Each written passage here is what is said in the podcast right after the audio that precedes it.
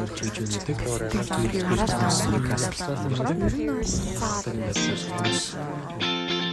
LGBT төв хүн бүрт хүний эрх шударгаас нэр төр. Та яг одоо Mongolian Queer podcast-ийг сонсож байна.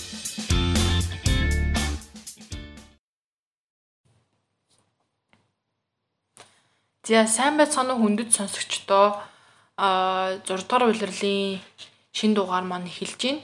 Тэгээ өнөөдөр бас илүү сонирхолтой сэдвээр та бүхэнд мэдээлэл хүргэж байна. Тэгээд манай зочин маань эхлээд өөрийгөө танилцуулна уу. За сайн байцгаана уу сонсогчдоо. Намайг Бэлгүн гэдэг. Би одоо хуульчаар ажилладаг. 8 дахь жилдээ хуульчаар ажиллаж байгаа. Аа тэгээд мөн ноднон 2019 оноос эхлээд нэгдсэн үндэсний байгууллагын тэгш бод чөлөө дайны зохицуулагчаар ажиллаж байгаа. За тэгэхээр сонсогчид бас нөгөө тэгш ба чөлөөтэй аян гэхээр сайн мэдхгүй ч магадгүй. Тэр нь яг ямар аян юм бэ? Энэ тэгш ба чөлөөтэй аян нь болохоор ерөнхийдөө 2013 оны 7 сараас эхлээд нэгдсэн үндэсний байгууллагын хүний эрхийн дээд комиссарын газраас одоо LGBT хүмүүсийн эрхийг хамгаалах тийм кампанит ажил маягаар анх эхэлсэн. Монгол улсад бол 2018 онд анх хэрэгжиж эхэлсэн байгаа. Гол кампанит ажлын маань зорилго нь LGBT хүмүүсийн талаарх зөв мэдээллийг нийгэмд түгээх, хүмүүст тэр талаарх зөв боловсрал мэдээлэл олгох а тэгээд бусад ялгуурлан гадуурхаж байгаа альва асуудал болно болон бусад LGBT хүмүүсийн эсрэг үүсэж байгаа асуудлыг айлуулах, багасгах, арилгах, ялгуурлан гадуурхалтыг ер нь зогсоох тийм зорилготой мэдээллийн чанар мэдээллийн тийм кампанит ажил байгаа. За аа тэгэхээр хүрэлцэн ирсэнд баярлалаа. Өрсөн баярлалаа. Тэгэхээр та гадарлсан бах нэг хуулийн талаар ярьж магадгүй юм шиг байна гэд тэ гадарлаагүй ч гэж магадгүй. Ер нь бол бит хоёр хуулийн талаар ярина. Гэхдээ нуршихгүйгээр бөгөөд хүн болгонд илүү ойрхон хүрэх сэдвийг сонгосон байгаа тий. Аа Ерөнхийдөө өнөөдөр бол LGBT хүмүүстэй холбоотой хууль тогтоомж Монгол улсад ямар хууль тогтоомж байдаг, ямар ямар хуулиар юг зохицуулдаг талаар товч мэдээлэл өгье гэж бодсон. А гэхдээ өнөөдрийн яг тэр хууль дундаа хамгийн миний сонирхож өөрийн одоо судалдаг хууль нь болохоор ижил хүйсийн хүмүүсийн гэрлэлтийн одоо гэрлэлтийг ямар улсуудад зөвшөөрсөн, ямар хэлбэрээр зөвшөөрсөн, одоо Монгол улсад ямар шатандаа байгаа вэ гэдэг талаар ер нь би өөрөө хуваараа сонирхдаг байгаа тэр талаар товчхон мэдээлэл өгье гэж бодсон. Аа ерөнхийдөө одоогийн байдлаар бол ижил хүүсийн хүмүүсийн гэрлэлтийг яг бүтэн гэрлэлт хэлбэрээр бол ойролцоогоор 29 улсад хүлээн зөвшөөрсөн байгаа. Тэгэхээр яг бусад heterosexual хосуудтай яг адилхан гэр бүл болоод үр хөхөд үрчилж авах уу эсвэл нөгөө surrogacy гэж ярьдаг те тэгч ихээр хүүхдээ болох уу яг адилхан гэр бүл болоод бусад бүх хосуудын гэр бүлийн гэрлэгсдийн бүх эрхийг бүтэн идэлх тийм боломжтой хуулийг баталсан 29 орчим ер нь улс байгаа. А үүнээс гадна яг бүтэн гэрлэлт биш өөр хэлбэрээр одоо ижил үсийн хүмүүсийн харилцааг хүлээн зөвшөөрсөн хууль тогтоомжтой улсууд бас байдаг. Одоо хамгийн энгийн жишээ гэх юм бол Израиль улсад байна. Өөрийнх нь улсад бол хоёр Израиль улсын иргэн хоорондоо гэрлэх хуулийн зохицуулт бол байхгүй. А гэхдээ ижил үсийн хүмүүсийн гэрлэлтийг зөвшөөрдөг улсад жишээлбэл Америкийн нэгдсэн улсад хоёр Израилийн иргэн гэрлэлтэд бүртгүүлээд ирэх юм бол тэрийг Израиль улс хүлээн зөвшөөрнө. Тэгэхээр тийм нэг хэлбэр байгаа. А дараагийн нэг хэлбэр нь болохоор хамтран амьдрагч хэлбэрээр яг хүмүүсийн ижил үсийн хүмүүс, LGBT хүмүүсийн хосын харилцааг зөвшөөрсөн тийм улсууд байгаа. Энэ нь болохоор яг яг бүрэн гэрлэгсэд биш тэднээс бас арай жоохон их үргийн хувьд арай богинохон цөөхөн тийм их үүрэгтэй. Гэхдээ яг бас хүлэн зөвшөөрсөн нэг хэлбэр байгаа.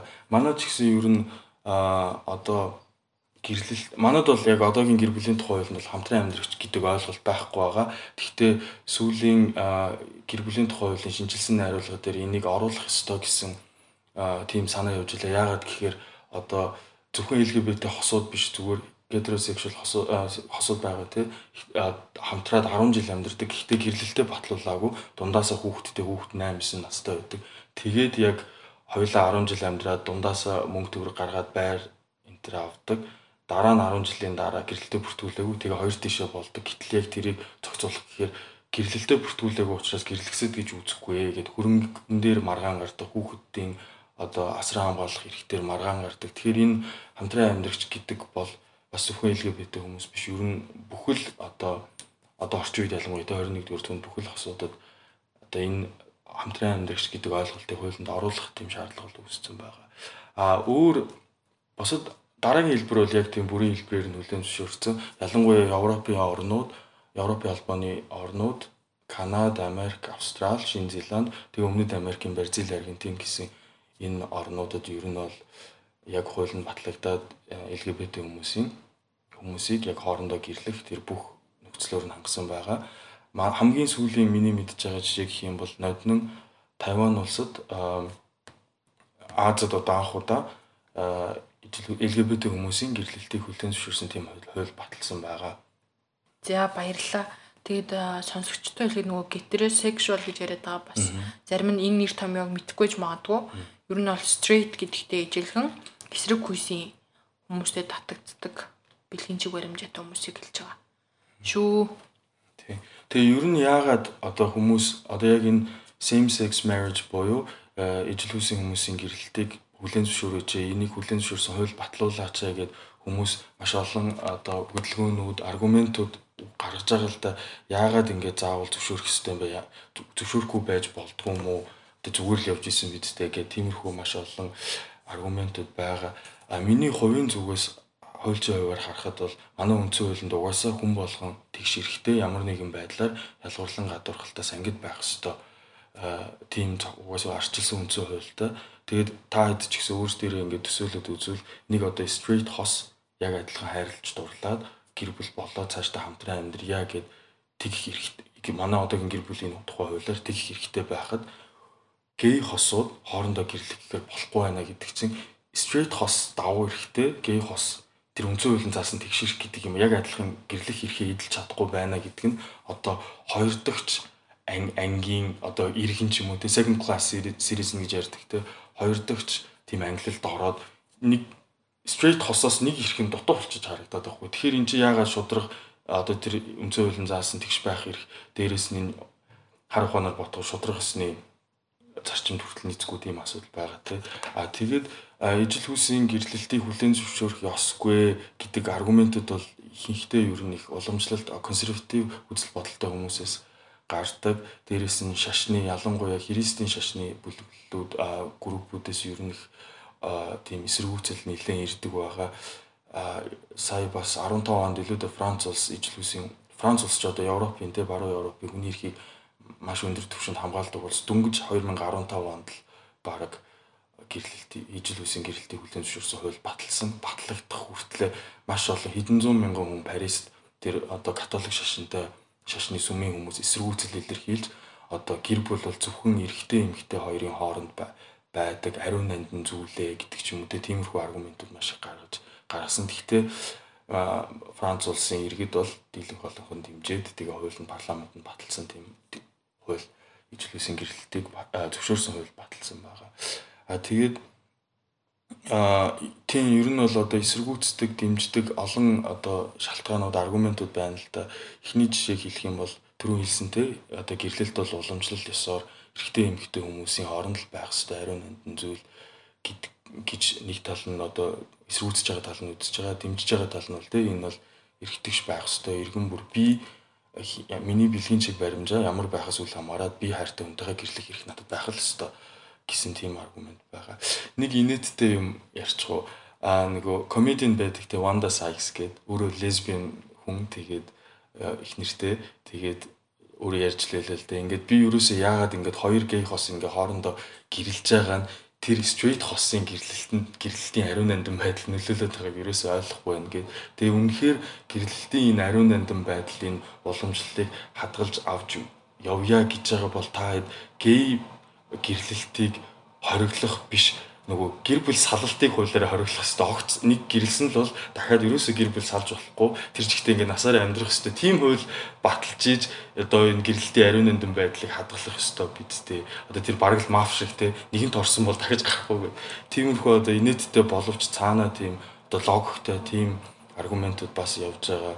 А тэгээд дараагийн нэг одоо ижил хүсийн гэрлэлтийг хүлээн зөвшөөрөхгүй гэдэг эсэргүүцдэг аргумент нь бол одоо straight хосууд бол тэг хөвгт гаргана одоо үр хөвгттэй болон цаашаа энэ нийгэмдээ одоо хувь нэмрээ оруулаад хүн амын өсөлтөнд нэмэр болоод явна. Гей хосууд бол LGBT хосууд бол одоо юу нөхөн үрчгүүдээр үрчгэн асуудал дээр бол цаашаа ингэж хүн ам одоо нийгэмдээ хүн ам нэмэгдэхэд ямар нэгэн нөлөө үзүүлж чадахгүй гэдэг тийм аргументууд бас яваад байдаг л да.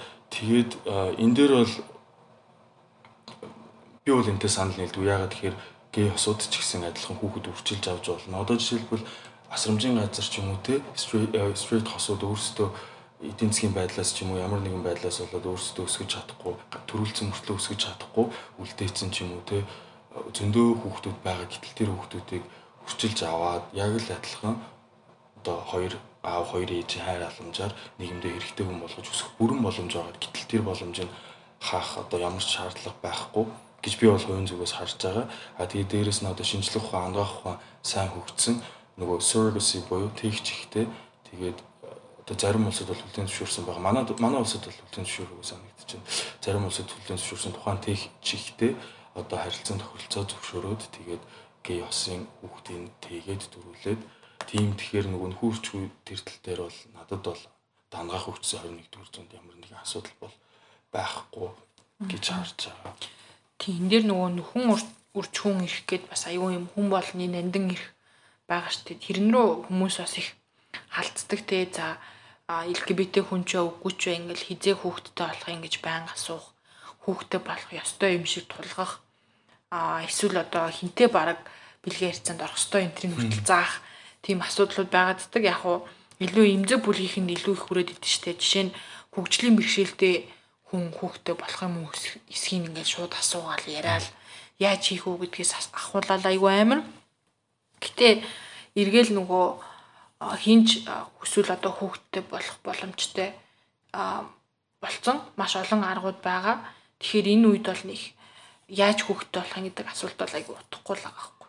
Тийм энэ бол нөхөрчгөө ирэх бол тэг хүний хувийн маш тийм хувийн хувь хүний өөрийнх нь хүсэл зориг өөрөө шийдэх асуудал болохоос биш хин нэгний дарамт шахал нийгмийн дарамт шахал те одоо манайх цагаан сараар гэр бүлээр уулзахаар нас чинь явлаа оройтлоо хүүхдтэй болж үү үрийн зулаа үзүүлэх өнөрлүүлэх нөхцөлүүдтэй дандаа тэгж асуудаг. Би бас нэг айгуу сэтгэл эмзэглэмэр жишээ сонссон.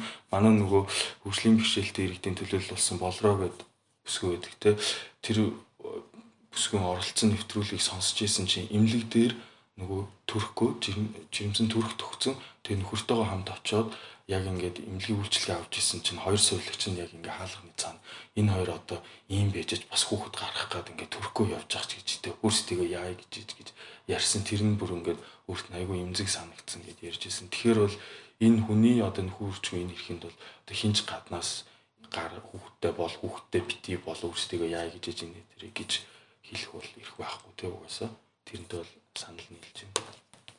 Аа дараагийн нэг одоо ижил хүүсийн гэрлэлтийг одоо эсэргүүцдэг бас нэг аргумент нь бол тий хүүхэд ингээд төрснийхаа дараа заавал ээж аав гэсэн нэг тийм хоёр юм role model хоёр юм одоо юу гэдэг нь тий дүр ингээд заавал байх хэвээр эмэгтэй хүүхэд бол ээжигээ харж тий эрэгтэй хүүхэд бол заавал эрэгтэй хүний тэр дүр амьдралд нь байж аавыгаа харж тэгж баланстайгаар хүмүүжихгүй бол ингээд том болоод янз бүр ямар ч хүн болох юм билээ гэсэн тийм аргументууд бол бас байдаг. Гэхдээ энэтэй бол би бас санал нийлэхгүй. Яагаад тэгэхээр гэр бүл гэдэг заавал төгс одоо ингээл ээж, аав, хүүхэд гээд ийм гурван элемент байхгүй бол гэр бүл биш гэсэн тийм хуужинсаг уламжлалт ойлголт бол одоо ер нь бол үе өнгөрөөж байгаа. 21-р зуунд гэр бүлийн маш олон төрөл байгаа. Нэг ээжтэй, нэг хүүхэдтэй нэг автаа өрх толгоолсон аа өрх толгоолсон ээж эсвэл эхнэр нөхөр хоёр хүүхдгүү те тэр бол бас л гэр бүл эсвэл эмээ ач ч юм уу те.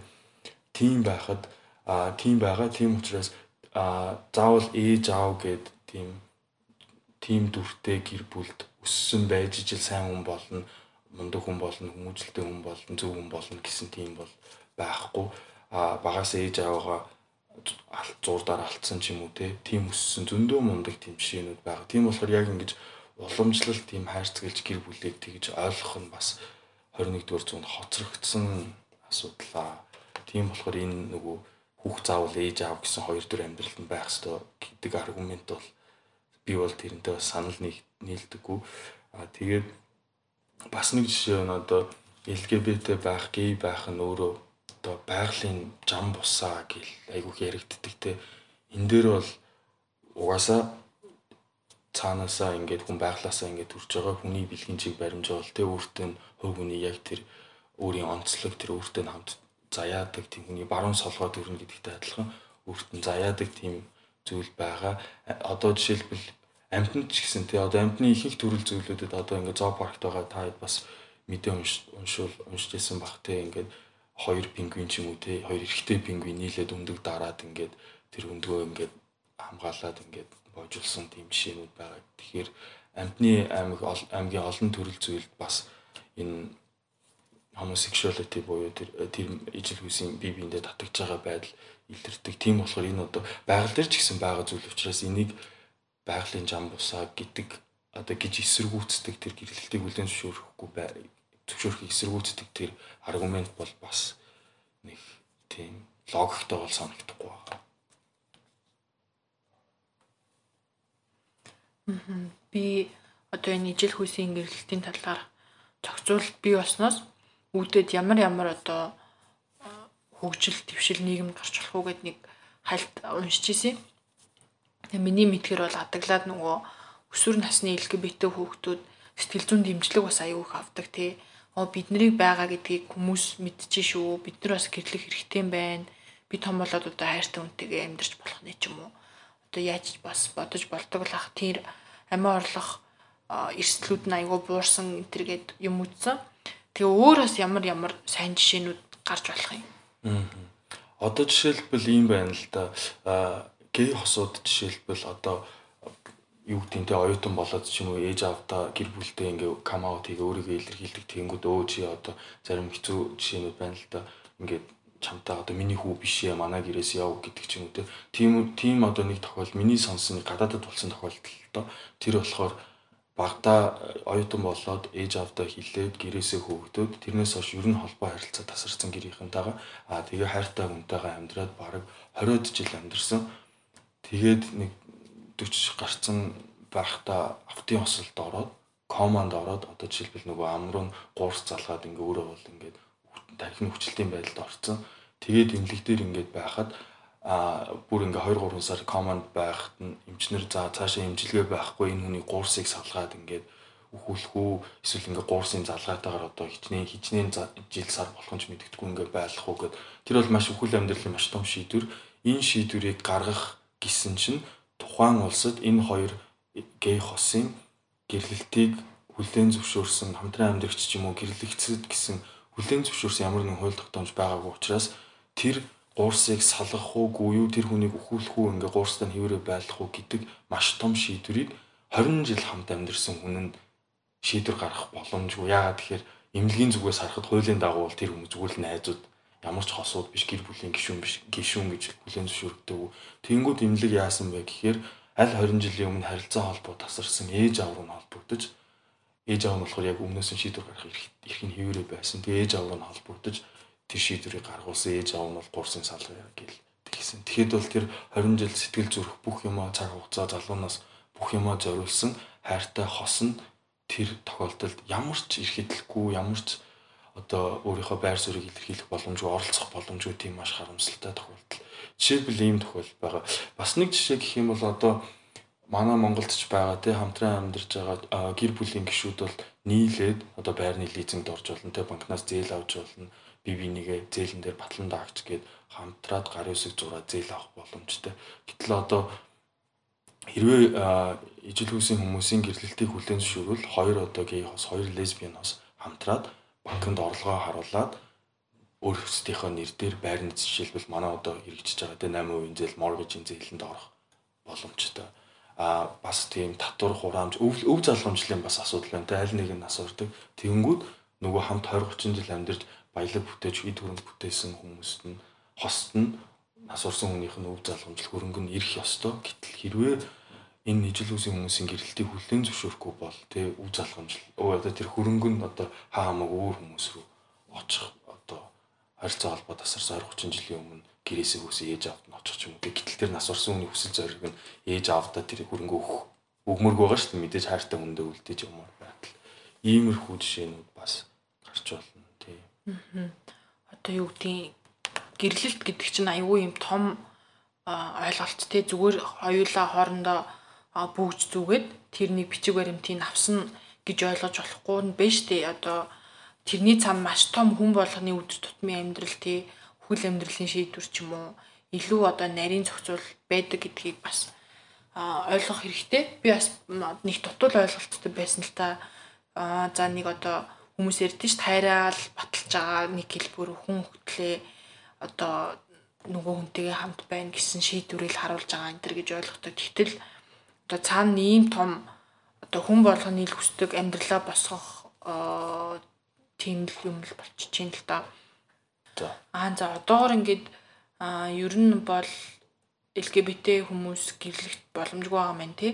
Тэгэд хууль энэ талын хууль одоо хэрэгжихэд тодорхой бас урт хугацаа шаарддаг. Тэр хүртэл хэрвээ а саяны нөгөө бай болцсошгүй нөхцөл байдлууд үүсэхэд бас ямар ямар юм аргууд байгаа вэ шинэ би гэрээслэл бичих юм уу те би одоо энэ хүнтэй амьдарч исэн.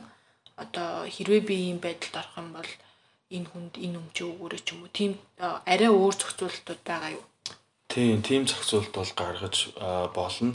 Манай яг одоогийн хүчин төгөл мөрдөг хүчин төгөлдөр мөрдөгдөж байгаа үндсэн хууль болон гэр бүлийн тухай хуулинд бол үндсэн хуульд бол нөгөө гэр бүл нь эрэгтэй эмэгтэй хүмүүсийн харилцан зөвшөөрсний үндсэн дээр одоо гэр бүл байна гэсэн тийм заалттай байгаа.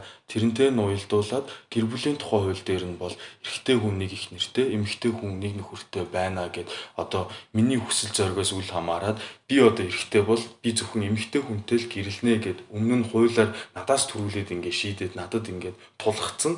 Тэгэхээр би одоо э, би одоо эрэгтэй хүн тэгэхээр эрэгтэй хүнтэй гэрлэх боломжгүй тийм байгаа одоогийн гэр бүлийн тухай хуулиар а тэр өв залгамжлалын тухай бол иргэний хуулиар шийдэж байгаа. Өв залгамжлал төр мэдээж гэрээслээ үлдээж болон тэр гэрээслэлийг одоогийн байдлаар LGBT хосын гэрэлтийг манай хуулиар зөвшөөрөөгүй байгаа ч гэсэн мэдээж хамт амьдарч байгаа хайртай хүндээ хайртай хостоо гэрээсэл бичээд энэ одоо ямар нэгэн зүйл надад тохиолдох юм бол миний өмч хөрөнгийг энэ хүнд энэ хүн авнаа гэд гэрээсэл үлдээх бол боломж байгаа. Хамгийн гол нь нэг асуудал нь юу байгаа гэхээр иргэний хуулинд нөгөө хууль ёсны өвлөгчд гээд гэрээслэлээр өвлөгч одоо тэр хос хосынх нь хүн байгаа. Гэтэл хууль ёсны өвлөгч гээд одоо тэр хүний ээж аав, эхнэр нөхөр эсвэл төрүүлсэн хүүхэд гээд заавал гэрээслээс үл хамааран тодорхой хувийн зайлшгүй авах ёстой тийм гэрээслэнд юу гэрээслэлд юу гэж заасан сүүл шалтгаалаа зайлшгүй тодорхой хэмжээг авах ёстой тийм өвлөгчд байдаг. Тэр өвлөгчдөд заавал оцсны дараа үлдсэн хөрөнгө бол тэр гэрээсэл гэрээслэлд дурдгдсан хайртай хосынх нь одоо өмч өмчөд очих бол боломж байгаа. Тэгэхээр одоохондоо бол манад ингэж л зохицуулах байх. А тэгээд одоо ингээд зарим хүмүүс ярьдаг л да ингээд манад одоо манай нийгэм зөндөө асуудал байхад одоо юм ижил үсийн хүмүүсийн гэрлэлд яриад байгаа юм. Энэ яг одоо тэргүй ээлжинд ярих хэвээр юм юм уу? Манай нийгэм бэлэн биш байна. Арай болоогүй байна.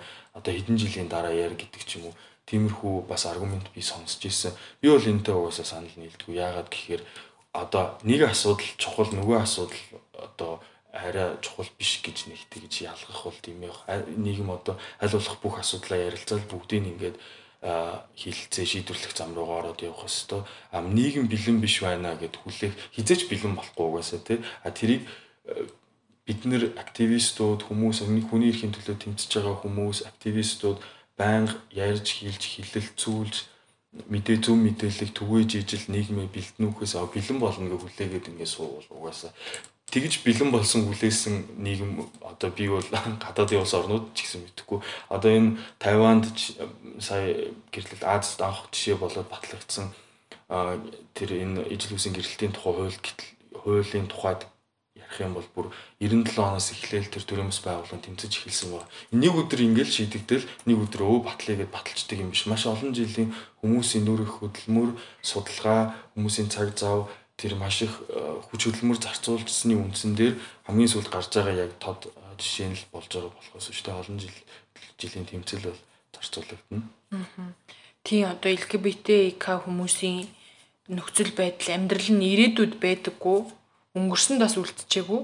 Яг одоо бид нэр амьдарч байгаа учраас өнөөдөр жишээ нь гэрлэмээр байгаа хүмүүсэнд гэрлэхэл хэрэгтэй байгаа хгүй тий. Тэгэхээр нөгөө талаасаа LGBT хүмүүс аа бас шаардах хэрэгтэй. За шаардахгүй маа гэхэд нөгөө саяны хэлдэг шиг нийгмийн бэлэн болгохын тулд өөрийнхөө оршин байгааг бас харуулад авах хэрэгтэй гэж би бол бодтiin. Тэгээд сайн нөгөө гэрээслийн тухай би бас асуух гал юм л та. Айгүй ингээл хэцүү тэг солонгос кинон дээр хэцүү байдалд ороод хийцэн юм юм шиг санагддаг байсан юм. Айгүй энгийн юм юм бэлээ штэ. Тэгэхээр одоо зүгээр л хүн нэг удаа гэрээслээ бичээл үлдээчихвэл зүгээр юм шиг байгаа тий. Тэгэд яаж бичдэм бол хаана ханддгийг Тэгээ ер нь бол гэрээслийг бичгээр үлдээд өөрийнхөө оршин сууж байгаа харьяа дүүргийн тойргийнх нь нотариатч дээр очиод батлуулаад хадгалуулад ч юм уу тийм зарчмаар яадаг хадгалуулдаг. А манад бол бас нэг юм миний бодлоор л юм жоохон мухар сүсэг талтай гэж би хардаг. Яг хүний ихтгэл үнэмшил рүү дайрж байгаа юм биш уучлаарай. Хүмүүс нөгөө гэрээслэл бичин гэхээр юм муу ёртой энэ өглөө дуудаж байгаа юм те ийм залуу үежж гэрээслэл бичээд тахтай яа ингээд би бол тэрийг бол гэрээслэл надад бол хуульчийн хувьд би хүмүүст одоо ялангуяа залуу хүмүүст хоёр л юм маш сайн хийгэрэй гэж зөвлөмөр. Нэгдүгээр гэрлэлтийн гэрээ гэрлэхээс гэрлж явах үедээ хосууд ямар үүрэгтэй байх уу, ямар тохиолдолд хоорондоо гэрлэлтэд цуцлах уу, хүүхдээ яаж харах уу, хандах уу гэ та бас Америкийн Холливуудын кинон дээрээс харж исэн баг те нэг удаа надтай орой олон заавал орсон байх ёстой чи юм ээ гэсэн тиймэрхүү. Одоо энэ бол дэгстүүлсэн тийм заалтууд. Гэхдээ яг ингээд эрх үүргээ гэрлэлт бол хоёр хүний харилцсан ойлголцож байгаа тийм ойлголцол учраас гэрээ гэрлэлтийн гэрээг гэрлэхээс өмнө заавал байгуулад ойлгомжтой болгонтэй хин ямар үүрэгтэй яах вэ хүү ямар тохиолдолд хин одоо чи намайг араар нь тавьсан бол тавьсан тогтоогдох юм бол би чамаас гэрэлтэй цуцлуулна хүүхдээ үр дээрээ аавна энэ төрөнгийг байрыг би үр дээрээ аавна гэдэг ч юм уу те. Тийм үүрэг хариуцлага өндөржүүлсэн тийм гэрээ гэрэлтийн гэрээ нэгдүгürt байгуулахын дээрөө хоёрдугаар гэрээслэл бол ер нь л хүн болгон юу юмыг яаж мэдгүй те. Осол аваар энэ тэнд гарна. Гэрээслэлийг бол бас заавал ер нь жоохон нас яваалмж хөрөнгөтэй болол ирсэн л бол ер нь хийж явах хэрэгтэй баг. Дараа нь хүн нас урсны дараа нөгөө өмч хөрөнгө хуваах асуудал дээр маш их үлдэж байгаа хүмүүс мэдээж үргэлжлүүлээд амьдран тэгээд бас эдийн засгийн асуудлууд байгаа. Тийм болохоор үлдсэн тэр эд хөрөнгийг хуваах дээр айгүй том асуудлууд зөндөө гардаг хамаатан садан их чахнар хоорондоо муудалцаа тангараг тасрах тохиолдол байдаг. Тэгэхээр тийм эвгүй байдал үүсгээс тийм муудалцаан тийм асуудал гарахаас зайлсхийж гэрээслийг бол бас заавал давхар хийжсэн дээр баха. Тэгээд гэрээслийн загварч байгаа машингийн тойргийнхоо юм айл нэг нотариат руу ороход угаасаа загвар нь бэлэн байгаа. Тэгээд зөвлөгөө аваад хийлгэхэд бол бүрэн боломжтой. Айгу үнтэй үнтэй мэдээлэл байна. Тэгээд манайхан бас одоо юу гэдэг яг иймэрхүү нөхцөл байдлыг яриад хууль ярахаар ингээл бас л нөгөө саяных шиг тий юу вэ ямар сони юм бэ гэл хол чимшиг дандаа муу юм яриад байгаа юм санагдаж магадгүй Гэтэл айгүй ойр орчим их л байдаг л байхгүй юу. Манай хамаатнууд ч гэсэн тэгжлээсэн. Бусал өмч хөрөнгө төр хэрүүл болоод холбоо тасраал цагаан сараас зодлохгүй болохгүй юм болдог. Тэгэхээр ер нь л ирээдүйдээ бэлэн л байж явал зүгээр юм бэлээ. Тий, тэр нь ер нь бол тэг ирээдүйн эрсдлээс хамгаалаад ер нь тэрийг бодож авахд бол илүүдэхгүй байх гэж бодож байна. Аа би бас нэг юм одоо ижлүүсийн гэрлэлтэй холбоотойгоор дахиад нэг юм хэлэхэд би бас нэг Ноднон билүү нэг монгол хүнээс нэг тийм аргумент сонсч ирсэн. Өөрөө бол нэг дунд иргэм насны гей монгол эрэгтэй хүн байсан. А тэгээд энэ ижлүүсийн хүмүүсийн гэрэлтийг зөвшөөрөх хэрэгтэй эсэх талаар энэ залуучууд уулзаад ярилцж байхад нэг өөрийнх нь санаа нь бол тэгжсэн. Ма энэ одоо манай гей залуус арай бэлэн болоогүй. Манай гей залуус чи ер нь одоо үерхэл нөхрөл нь айгүй хурдан солигдоод айгүй олон хүнтэй үерхэл ингээд тийм докторгүй тийм байж ийж яагаад юм гэрлэх вэ? Гэрлэх бол тэр бүр тэр дараагийн асуудал гих ч юм уу те тиймэрхүү өнцгөр харсан. Одоо энэ бол э, тийм яг тэр хүний хувийн өөрийн үзэл бодол л доо. Гэтэ би бол энийг юу гэж харж байгаа вэ гэхээр тэр гэрлэн гэрлэхийг бол хувь хүн өөрөө шийдэх ёстой тий. А гэрлэя гэд одоо бэлэн болоогүй залуу насандаа би гэрлэхэд арай бэлэн биш байна гэд окей болно одоо өөр хүмүүстэй үргэлж нөхөрлөөд туршлага хуримтлуулад хүнийг таньж мэдээ дараа нь гэрлэнэ гэд олон партнер солиод тэр бол хувийн сонголтын асуудал а тийм учраас одоо энэ гей залуус залуус гэрлэх эрхийг одоохонд өгөх болоогүй гэсэн агуулгаар тэр хүн хэлсэн байсан. Тэр нь бол би санал нийлэв. Яагаад тэгэхээр хүн гэрлэх заавал яг одоо гэрлэж байгаа биш. Гэрлэе гэж шийдвэр гаргахад тэр боломж нь хуулиар бэлэн олгогдсон байх хэрэгтэй байхгүй юу? Гэтэл тэр боломжийн нээлттэй орхих биш ингээд хуулиар ингээд одоохондоо хаацсан байх хэрэгтэй гэж тэр өөрөө тэр хүн болохоор өөрөө бас нөгөө LGBT community-ийн гишүүн байсан шүү дээ тийм болохоор бас зөвхөн straight хүмүүс гэлтгүй бас манай энэ community дотор өөрсдөө бас нөгөө ижил хүсийн гэрлэлтийг эсэргүүцэн хүлээн зөвшөөрөхгүй бас тийм үзэл бодолтой хүмүүс байдаг юм байлээ. А тэр бол хувь хүний үзэл бодол би тэрийг хүнддэг нь. А гэхдээ миний бодол бол энэ хууль яг хүний тэгшэрхийн үүднээс зарчмаас харахад бол заавал байх ёстой, хүлээн зөвшөөрөх ёстой, хуулиар хүлээн зөвшөөрөх ёстой асуудал гэж харж байгаа. Тийм зөндөл би биендээ үнэн чосууд байгаа. Хамт амьдралаа босгоод залуугаасаа хамт явцсан хосууд би бол зөндөө мэднэ. Аа э, тэгэд юу гэж хэлчихлээ. А тийм. Тэг нөгөө талаас бол бүх нийгэмд бол ингээд гэрэлсэн хос гэдэг чинь зөвхөн эрэгтэй ба эмэгтэй биш юм байна. Харилцан зөвшөлтцөөд би биендээ хайртай амьдралаа босхыг гэсэн хүн болон гэрэлж болох юм байна гэсэн юм амар том хүний эрхийн мэдрэмж өгж байгаа байхгүй тий. Тэр талаас нь бас харуул их сонирхолтой.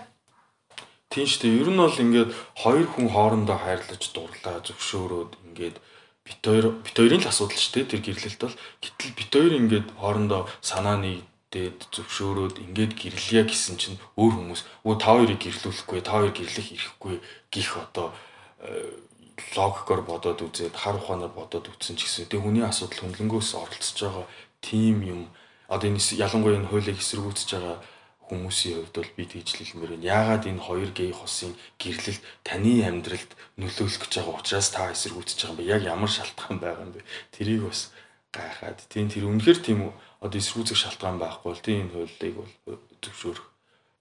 За одоо ингээд ижил гүйсийн гэрлэлтийн тухай бас ерөнхий мэдээлэл өгцөн.